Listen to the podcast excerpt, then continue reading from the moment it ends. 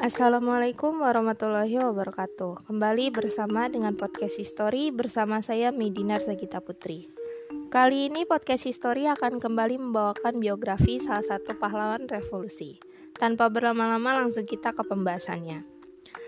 Letnan Jenderal TNI Anumerta S. Parman. Beliau lahir di Wonosobo 4 Agustus 1918, wafat di Lubang Buaya 1 Oktober 1965. Beliau merupakan salah satu pahlawan revolusi yang gugur dalam peristiwa G30 SPKI. Ayah beliau bernama R. Kromodiharjo dan ibu beliau bernama Marina. Nah, ayah beliau sendiri merupakan salah seorang pedagang tersukses di kampung beliau. Nah, beliau merupakan anak keenam dari sebelas bersaudara dan memiliki kakak laki-laki bernama Insinyur Sakirman.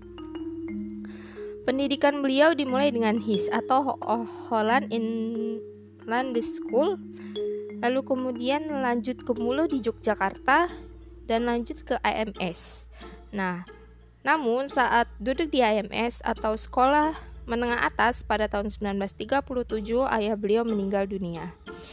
Hal tersebut membuat beliau berhenti sementara dari dunia pendidikan dan membantu ibu beliau melanjutkan usahanya. Tak lama kemudian beliau kembali bersekolah di AMS dan kemudian melanjutkan ke sekolah kedokteran di Jakarta. Akan tetapi invasi Jepang pada tahun 1942 membuat beliau berhenti, kembali berhenti bersekolah. Nah, karir militer beliau dimulai saat menjadi penerjemah polisi militer Jepang atau Kempetai pada tahun 1943 sampai 1945. Nah, saat Indonesia merdeka, beliau memutuskan untuk terjun ke dunia militer sebagai pengabdian beliau. Nah, pada bulan Desember 1945, beliau diangkat menjadi Kepala Staf Markas Besar Polisi PT di Yogyakarta. Nah, pada saat agresi militer 2, beliau ikut bergerilya ke luar kota dan setelah agresi militer, pada bulan Desember 1949, beliau ditugaskan sebagai Kepala Staf Gubernur Jakarta Raya. Nah, kemudian beliau mengikuti pendidikan ke Belanda.